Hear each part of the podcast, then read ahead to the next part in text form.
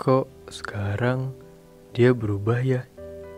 Dulu masih sering ngumpul. Sekarang tegur sapa aja enggak. Kok dia udah nggak kayak dulu lagi ya?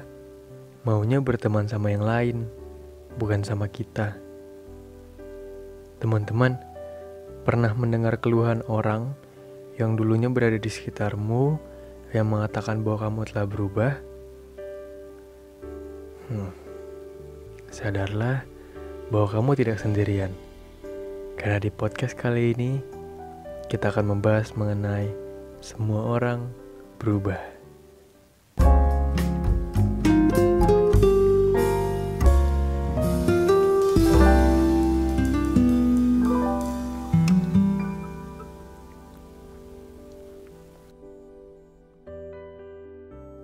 Bersama saya Rain, welcome back to Fit Podcast, Talk to Myself.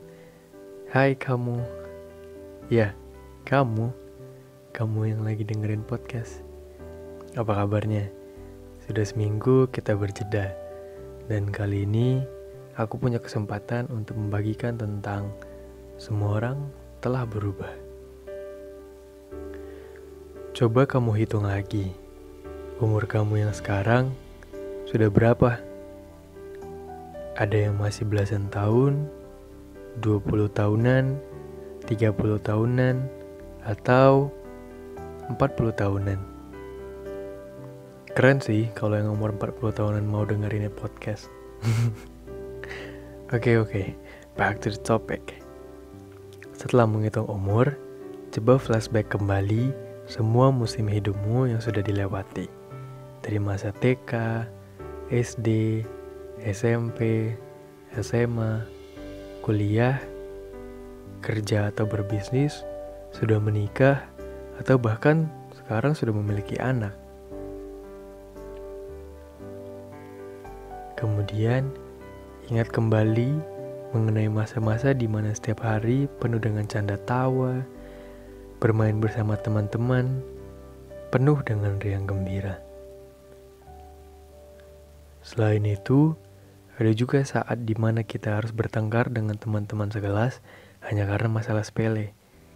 Pun dengan halnya deg-degan saat mengikuti ujian nasional pertama kali. Masa-masa di mana mulai mengenal cinta monyet, ikutan OSIS, jadi anak basket, futsal, or maybe buat yang Jawa jadi cheerleader. Atau mungkin malah kamu nggak jadi apa-apa juga lebih cenderung menutup diri dan ngerasa aku nggak pantas jadi kayak mereka. Ya, aku beda aja. Setelah itu, bandingkan semuanya dengan masa sekarang. Masa di mana kamu menjadi dirimu yang saat ini. Masa di mana yang mungkin bagi sebagian orang, kamu masih belum mengetahui tujuan hidupmu apa, atau ada yang sudah mengerti ke depannya mau jadi apa.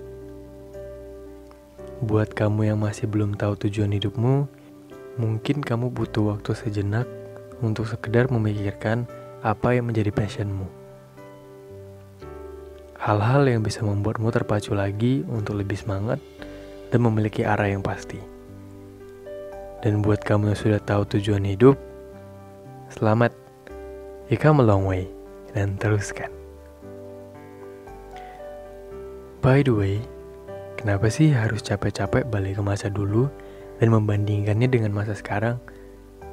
Ya, dengan memikirkan semua hal tersebut, kamu sudah merepresentasikan betapa berubahnya dirimu.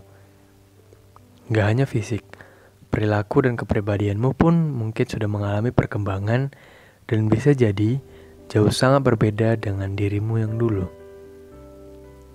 Banyak banget pelajaran yang sudah kamu petik dari setiap journey kehidupan yang sudah dilewati.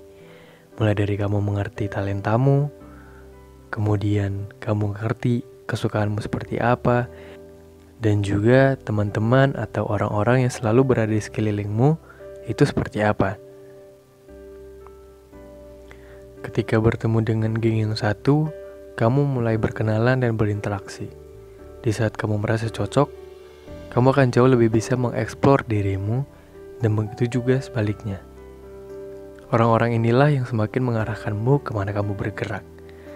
Bagaimana kamu bersikap menghadapi sesuatu, dan bagaimana caramu memandang orang lain.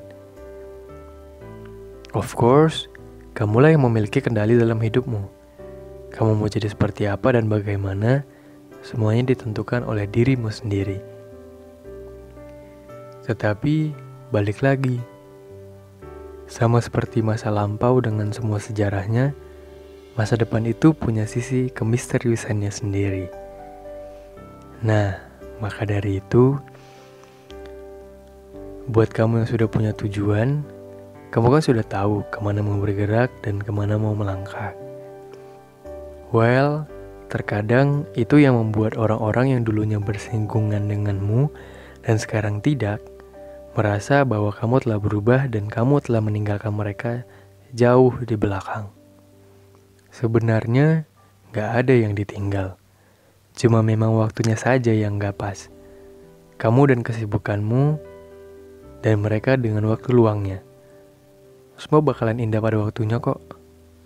Atau, bisa saja, kamu sudah mengetahui bahwa dengan berkumpul dengan orang-orang seperti mereka, Justru mereka malah membuatmu jauh lebih mundur, mundur, dan mundur.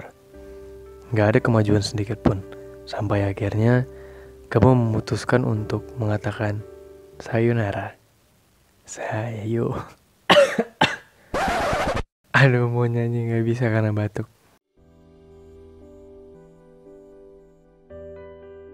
Mungkin juga suara-suara burung itu pun terdengar kalau kamu sudah berubah dan tak seperti yang dulu lagi. Then again, kalau kamu menuju pada perubahan yang lebih baik, kenapa tidak? Bukankah sebagai teman malah harus mengapresiasi hal ini? Thank you for listening and thank you for your attention. I am Rain. See you in the next podcast. Goodbye.